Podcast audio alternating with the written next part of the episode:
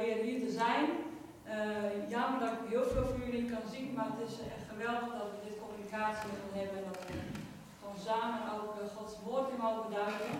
Ik was dan binnen voor een thema deze ochtend. Ik dacht, heer, wat, wat, wat, mag ik delen? En ik had, ik had het kunnen doen over misleiding. Daar heb net een preek over gegeven. Ik had het kunnen hebben over de heiligheid van God.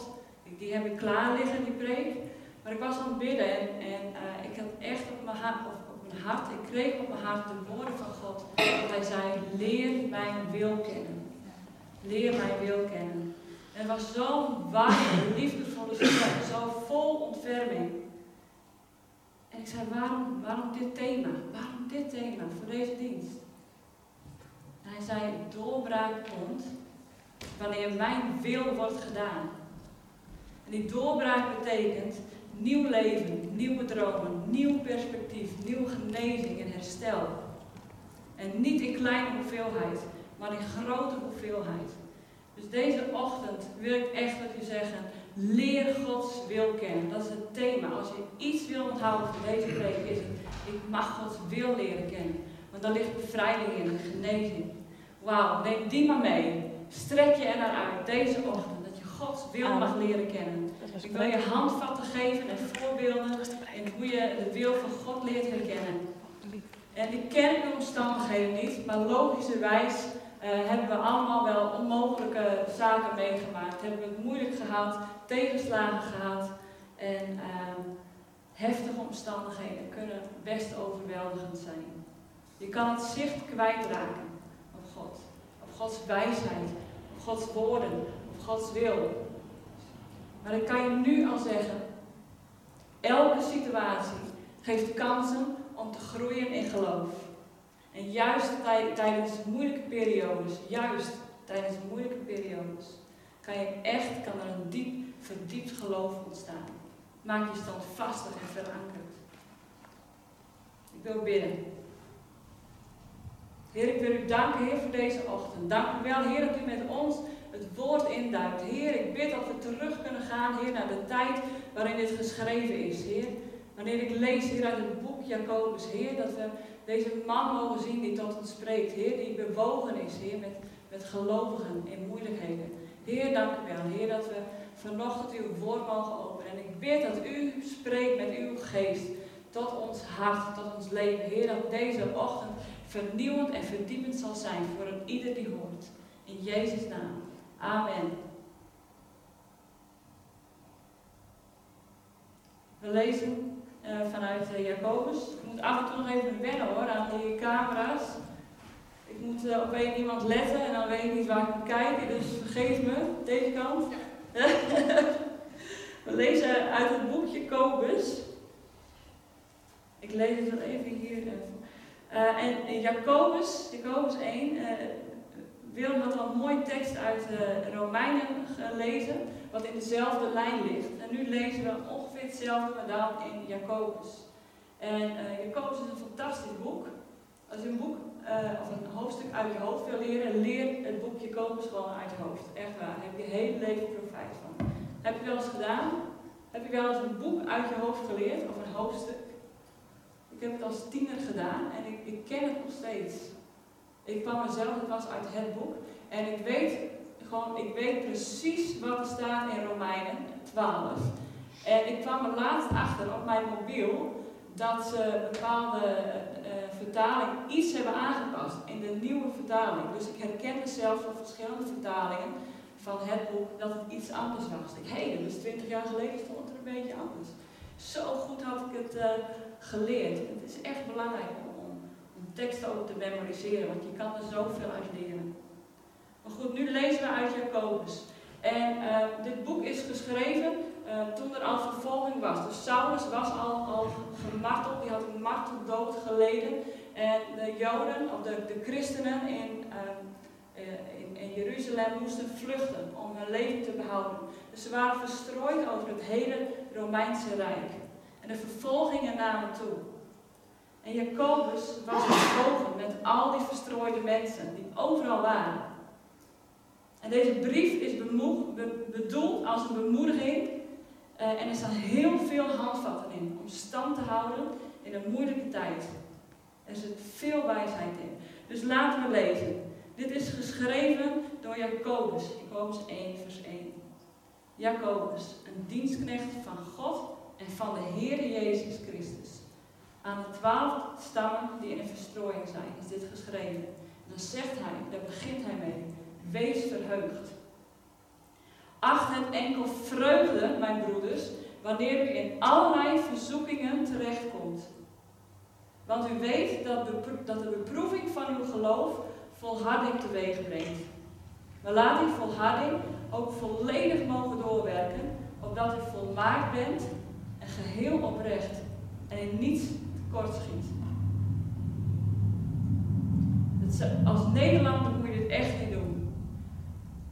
Als je iemand treft en, en die heeft het heel moeilijk, dan ga je als Hollander niet zeggen, joh, hey, uh, gefeliciteerd, super, wees blij met je tegenslagen. Als je dat doet, word je nog voordat je binnengelaten wordt, het huis alweer uitgeschopt waarschijnlijk. Maar toch zit er een waarheid in. En wil ik je misschien toch wel stiekem feliciteren, ook al snap je het nu niet. Want Jacobus die ziet de beproevingen en hij is met hen begaan, met deze mensen. En God ziet jouw beproevingen en is met jou begaan. Hij is begaan met ons. En destijds moesten ze letterlijk wegvluchten. Letterlijk wegvluchten om hun leven te behouden. En wij, wij kennen andere beproevingen. Dat voelen we allemaal wel. We voelen allemaal wel dat de druk op de ketel toeneemt. En misschien worden sommigen van ons ook al wel vervolgd. Misschien hebben sommigen die hier zijn, uh, die luisteren, hun land ook al moeten verlaten omwille van het christen zijn. Maar hoe dan ook, in ook deze maatregelen, deze omstandigheden, de druk, we voelen het wel. We voelen het wel. Maar God bemoedigt, en Jacobus hier ook, hij bemoedigt hen met het feit dat je elke situatie om kan zetten naar iets goeds. Het kan ten goede keren. Moeilijke momenten zijn bij uitstek leermomenten. Je krijgt namelijk niet al huppelend een, een, een geweldig uh, karakter. Als alles je voor de wind gaat, uh, wordt je karakter niet getest. Toon mij een persoon die zuiver is, vredig, vol blijdschap is, vol geloof. En je toont mij iemand die door beproevingen heen is gegaan en met vallen en opstaan lessen heeft geleerd en gezuiverd en gesterkt daardoorheen is gekomen door Gods kracht. We leren in beproevingen, in worstelingen. Laat ik het worstelingen noemen. Waar heb jij mee te dealen? Wat is jouw worsteling? Is het zonde? Is het, is het een financiële situatie? Loopt je onderneming niet goed? Zit het in relaties? Soms zitten we in uitzichtloze situaties, hebben we eindeloos verdriet, malen we er maar op los en bidden we erop los en lijkt de hemel van koper. En we weten niet wat we moeten doen. Maar er staat hier, en we leven verder in Jacobus, er staat een aanwijzing in wat we wel kunnen doen. En dat is God om wijsheid vragen. En het volledig op vertrouwen dat Hij dat ook zal geven. En we lezen dat in Jacobus 1, vers 5. En je moet goed begrijpen dat Jacobus dit zegt uh, nadat hij uh, erkend heeft dat er moeilijkheden zijn. Als iemand van u, zegt hij, in wijsheid tekortschiet, laat hij die dan vragen aan God, die aan ieder overvloedig geeft en geen verwijten maakt. Hij zal het hem gegeven worden. Maar als u hem erom vraagt, moet u ook verwachten dat hij, dus God, dat God het zal geven. Want iemand die twijfelt, lijkt op een golf door de, die door de zee, door de wind heen en weer gejaagd wordt. Zo iemand moet niet denken dat de Heer hem iets zal geven. Als hij twijfelachtig en onzeker is in zijn optreden. Dus staat hier? Dat we God om wijsheid moeten vragen en er volledig op moeten vertrouwen dat hij zal geven.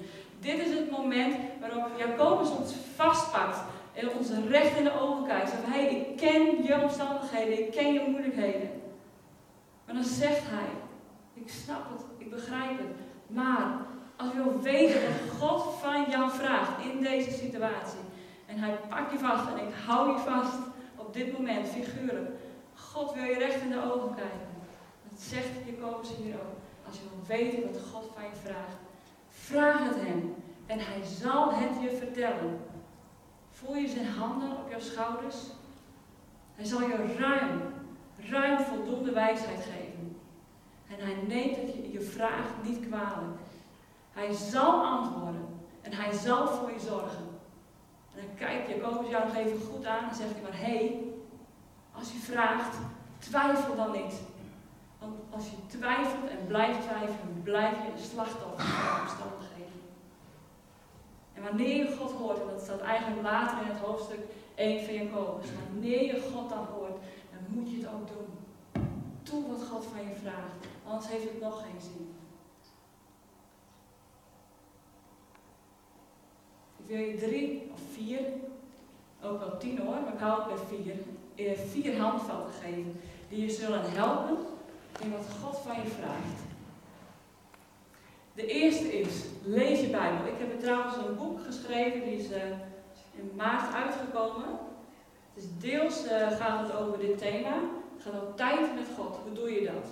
En ik heb de vier handvatten, uh, ook, die staan ook in het boekje. Dus wil je meer hulp en meer tools hierbij, kan je het boek bestellen in de Evangelische Boekwinkel. Hier in Drachten. Hier in Drachten. Maar de eerste is, lees je Bijbel. Uh, in Jozua 1 vers 8 staat over pijns uh, het woord dag en nacht. Waarom? Niet omdat het moet, maar omdat het u wel gaat. Omdat het je goed gaat. Als we niet eten en drinken, gaan we dood.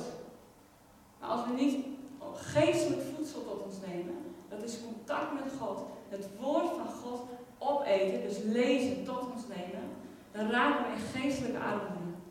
Hoe merk je dat?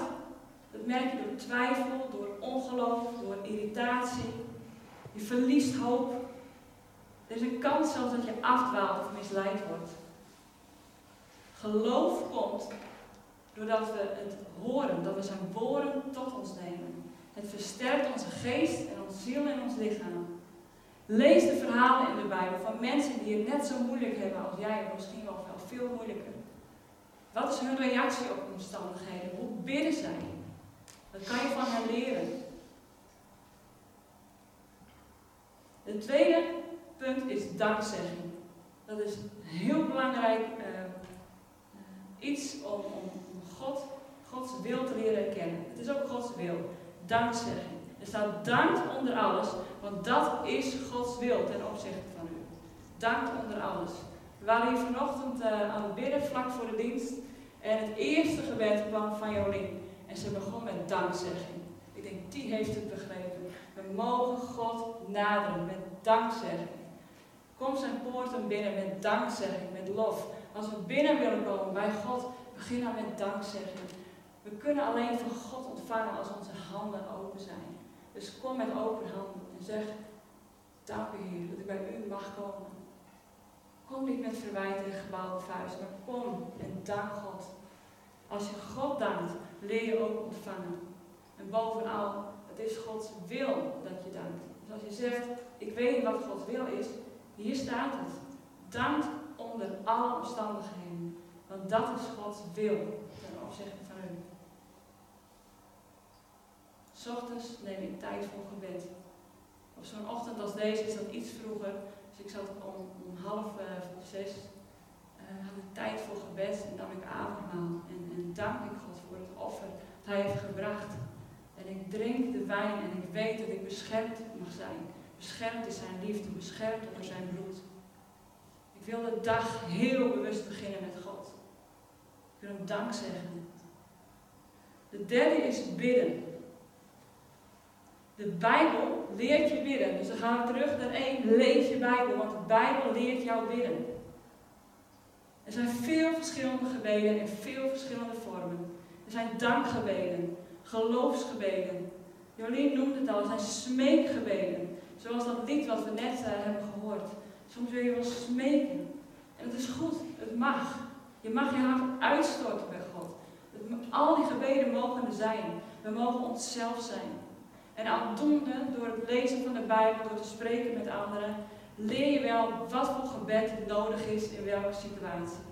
En God zal je wijsheid geven. Soms door anderen heen, soms moet je even aangevuurd worden door iemand anders. Maar pas op, pas op dat je niet slechts één soort gebed uitspreekt of eigen maakt. Wanneer je altijd alleen God zou smeken, altijd alleen maar God zou smeken, dan vraag ik me af of je wel gelooft dat, dat Hij je zal geven. Vaak is gebed een combinatie. Een combinatie van, van smeekbeden of van kracht. En ik las deze week in een psalm en dat is van David. En dan heb je het over David, hè? de koning die door God gezalfd is. Psalm 13. Moet kijken wat hij dan zegt. Man van God. Dit zegt hij. Heere, bent u mij helemaal vergeten? Wanneer komt u mij weer tegemoet? Moet ik nog lang naar u uitzien? Dag in, dag uit schreeuwt mijn hart om u. Laat u mij nog lang onder de overheersing van mijn vijand. Kijk toch naar mij om, heren, en laat mij iets van u mogen opmerken. U bent toch mijn God? Uw licht en uw kracht. Geef mij uw licht, geef mij uw kracht. Zodat ik niet zal sterven. Kan ook geestelijk sterven. Doe dit, zodat mijn vijand nooit kan zeggen, ik heb hem overwonnen. Want als ik val, staan zij om mij heen te juichen. En hier keert het gebed om. Want hier herpakt hij zichzelf. Hij heeft zijn hart uitgestort. Hij herpakt zichzelf. En dan zegt hij met vastberadenheid. Maar ik stel al mijn vertrouwen op uw goedheid en uw liefde. In mijn hart is vreugde, omdat ik zeker weet dat u voor bevrijding zorgt. Ik wil een loflied voor de Heer zingen, want hij helpt mij altijd. Dus hij eindigt niet in smeking en hij eindigt met kracht. En hij weet en hij proclameert dat God zal voorzien in een overwinning.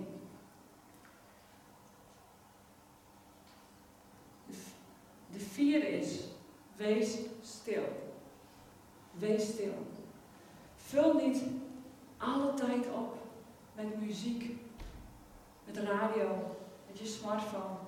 Maar sta gewoon eens uit het raam. Doe de muziek eens uit als je in de auto zit, als je veel alleen reist. Leer om je geestelijke antenne sterk te maken. En ook je vertrouwen daarin uit te spreken. Ik had een keer een, een stille tijdstraining en toen gingen we deze, deze uh, handvatten gingen we bij langs. En uh, er was één iemand die zei, goh, ik heb nooit geweten dat stilzijn zo belangrijk is. Zij, als hij opstond, had ze altijd gelijke muziek aan. En het was wel worship en het was goed. Maar ze zei, door stil te zijn, uh, door dat toe te passen, door het eerste uur van de dag in stilte met God door te brengen, heb ik ontdekt dat ik gedurende de dag beter zijn stem kan verstaan. Mooi hè? Gedurende de dag. Ik begin s ochtends met God, zoals ik vertelde. En ik had laatst dat is twee dagen geleden had ik, uh, kreeg echt op mijn hart om uh, dit boek uh, aan een buurvrouw te geven. die buurvrouw was vlakbij mij. En ik had dat boek haar ook zes weken geleden kunnen geven. Maar nee, vrijdag wist ik, vandaag moet ik het geven. Vandaag is de dag. Ik kreeg later ook een appje dat ze zeer verwonderd was. Zei, dit komt op precies het goede moment. Dus een gelovige vrouw. En ze dankte God dat het op het juiste moment bij haar. Datzelfde, diezelfde middag, misschien was het wel in een, in tijdbestek van een uur, uh, keek ik over de reling van mijn balkon en daar liep mijn buurman. Hij zei, hey Siet, ik wil jouw boek, zei hij. Ik wil je boek. Ik wil hem gewoon voor jou krijgen. Ik zei, mooi niet, je koopt hem maar, zei ik. Dus ik twee heel verschillende reacties uh, had ik een omstandigheid. De eerste keer wist ik, ik wist dat ik hem moest geven aan uh, mijn buurvrouw. En bij de tweede, dat was een buurman, wist ik, ik moest het niet doen. ik zei tegen die buurman, je bent net tot geloof gekomen. Je hebt een Bijbel cadeau gekregen. Als je dit boek wil, betaal je ervoor, want ik wil weten wat het je waard is. En we konden lachen. Um, en hij wist heel goed wat ik bedoelde. Ik wist gewoon, omdat ik ochtends tijd neem voor God, wat ik overdag in die situatie kan doen. De Bijbel ik heb vier, vier dingen genoemd. Hè? En de Bijbel zet jou niet in een keurslijf van bidden en Bijbel lezen. Er staat niet, gij zult een uur bidden en een uur lezen per dag. Maar de Bijbel die moedigt ons wel aan om, om vaste, een vaste gewoonte van te maken. Om onverdeelde aandacht met God te hebben. Kijk naar het leven van Jezus en zie dat hij vaak, heel regelmatig, heel vaak, tijd met God nam. Soms was het super druk om hem heen, of had hij drukke dagen gehad. Maar dan nog, dan, dan koos hij ervoor om God te zoeken. Hij wilde bij zijn vader zijn. Hij wilde horen wat God zei. Hij wilde advies, hij wilde wijsheid om de volgende dag in te gaan. Het was hem zo menens om de waarheid en wijsheid van zijn vader, van God te willen, dat hij soms niet sliep, of heel weinig sliep. Dan staat er dat hij voor dag en dag opstond berg op te gaan en God te zoeken. Doen wij dat?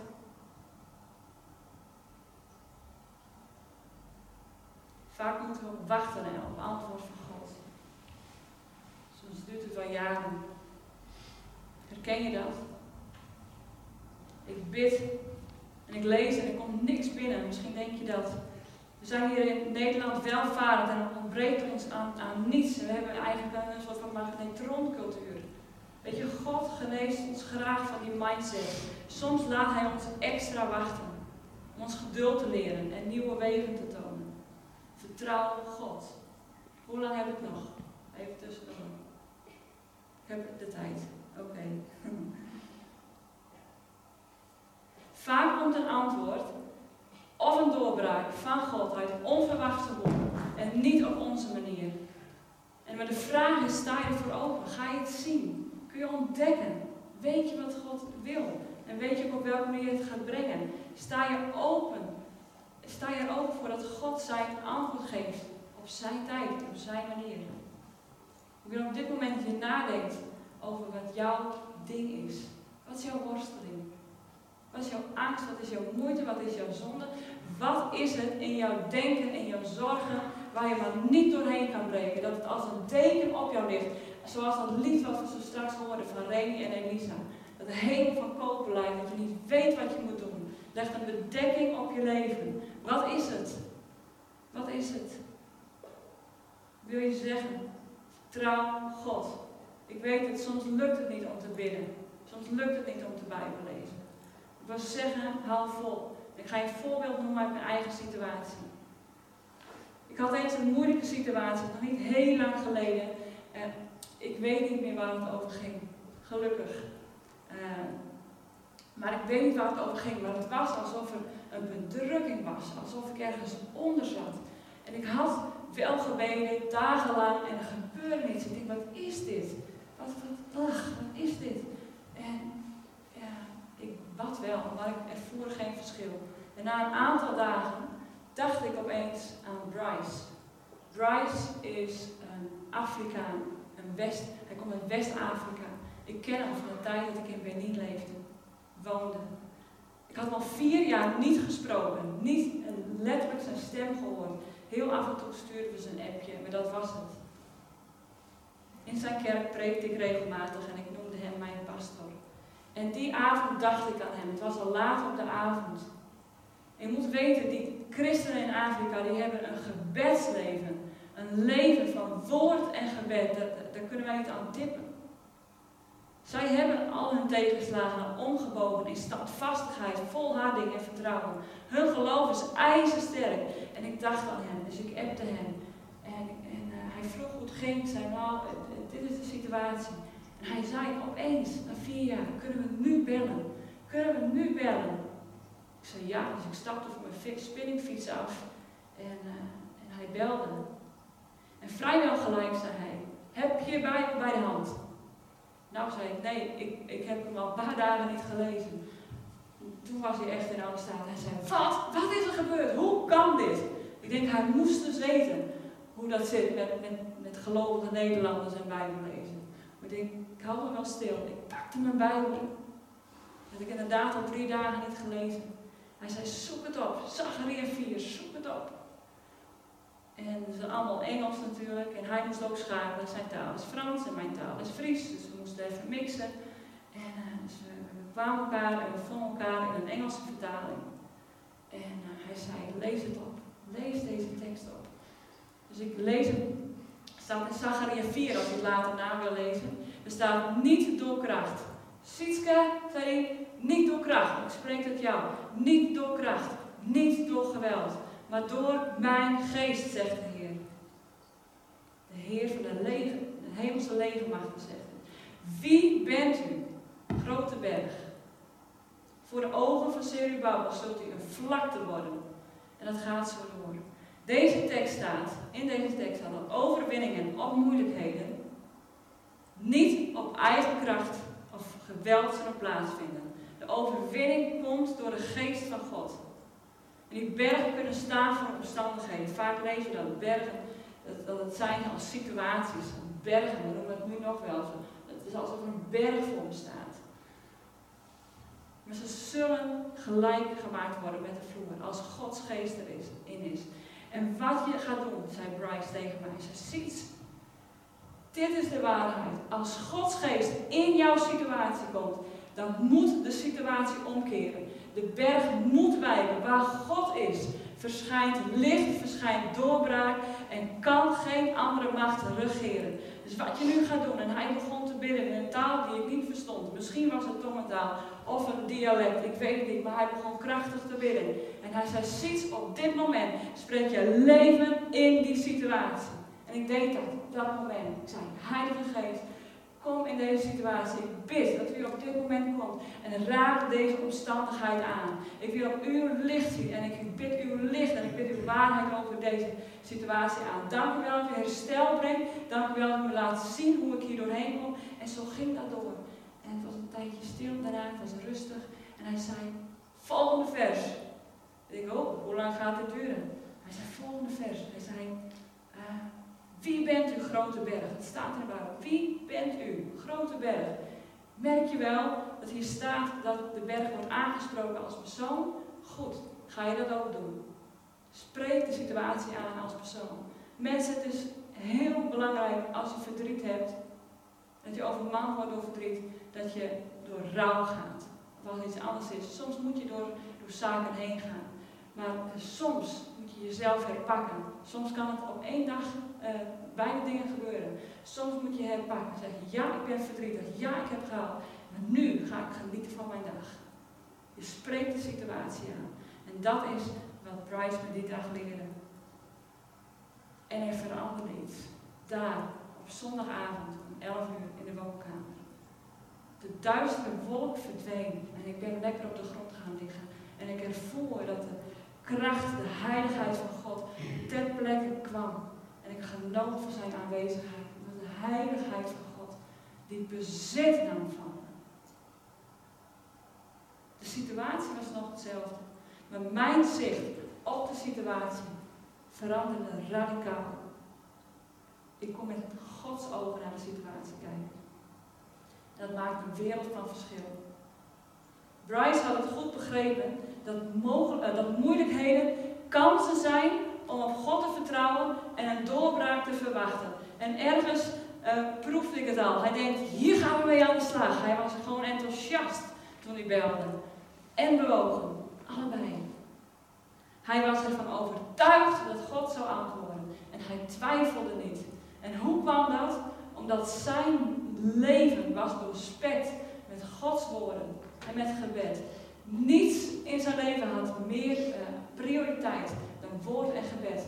En ik weet het, ik kan dit zeggen, want ik heb hem meegemaakt toen ik met hem werkte op het schip. Als hij even niets te doen had, kwam het Bijbeltje erbij ging hij lezen. En alles was onderstreept, alles was onderstreept. Als ik hem iets vroeg en hij vertelde over de Bijbel, wist hij precies waar het stond.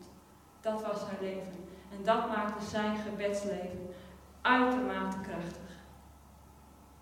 Hij had heel goed de tekst uit Efeze, of, ja, uit Efeze 6 begrepen. En ik lees hem nog even. Efeze 6. We kennen de tekst wel, want het gaat over geestelijke strijd. Maar ik lees hem omdat het goed is om, uh, om goed in je op te nemen. Lezen, je kan het dagelijks lezen. Het is goed om bepaalde Bijbelteksten te memoriseren. Ik pak een eenvoudige vertaling.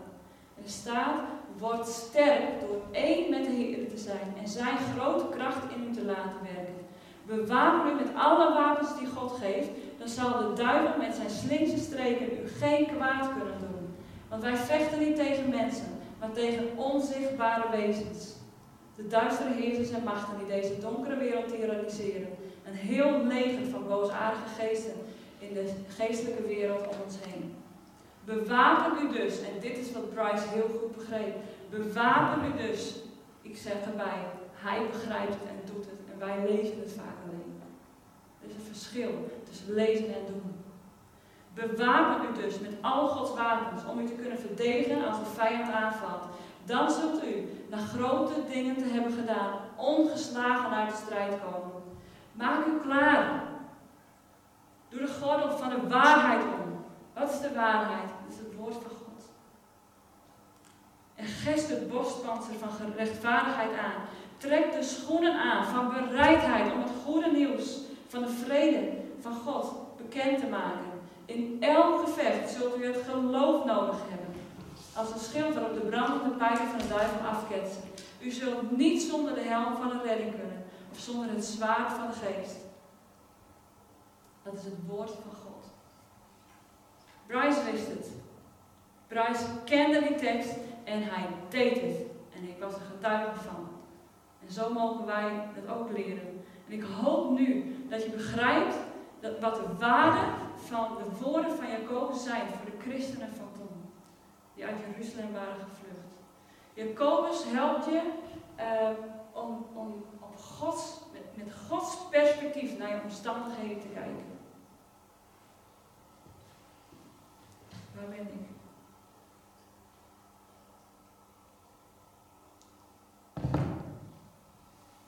Hij helpt je, zijn instructie, Jacobus zijn instructie, helpt je om de kop erbij voor te zetten. Bryce deed het bij mij. En ik hoop jullie aan te vuren. Dat je God in elke situatie kan ehm, betrekken. Hij brengt overwinning. Vertrouw dat God antwoord geeft. Twijfel niet. Twijfel niet. We gaan bidden. Ik wil bidden voor jullie. Ik wil bidden voor jullie. Als er een situatie, en kijk ook naar mensen in de zaal, als er een situatie in je leven is waarin je geen doorbraak denk daar nu eens aan. Wat is het? Waar zit je pijn? Wat is je moeite? Maar ook als het je voor de wind gaat, ehm, eh, kan het soms zijn dat je geloofsleven wat, wat lauw wordt. Dat is ook een situatie, een hele belangrijke. Maar pak dat, wat nu in je hart gelegd wordt. Dan ga ik daarvoor bidden. Ik wil Gods doorbraak binnen, Gods geest in die situatie.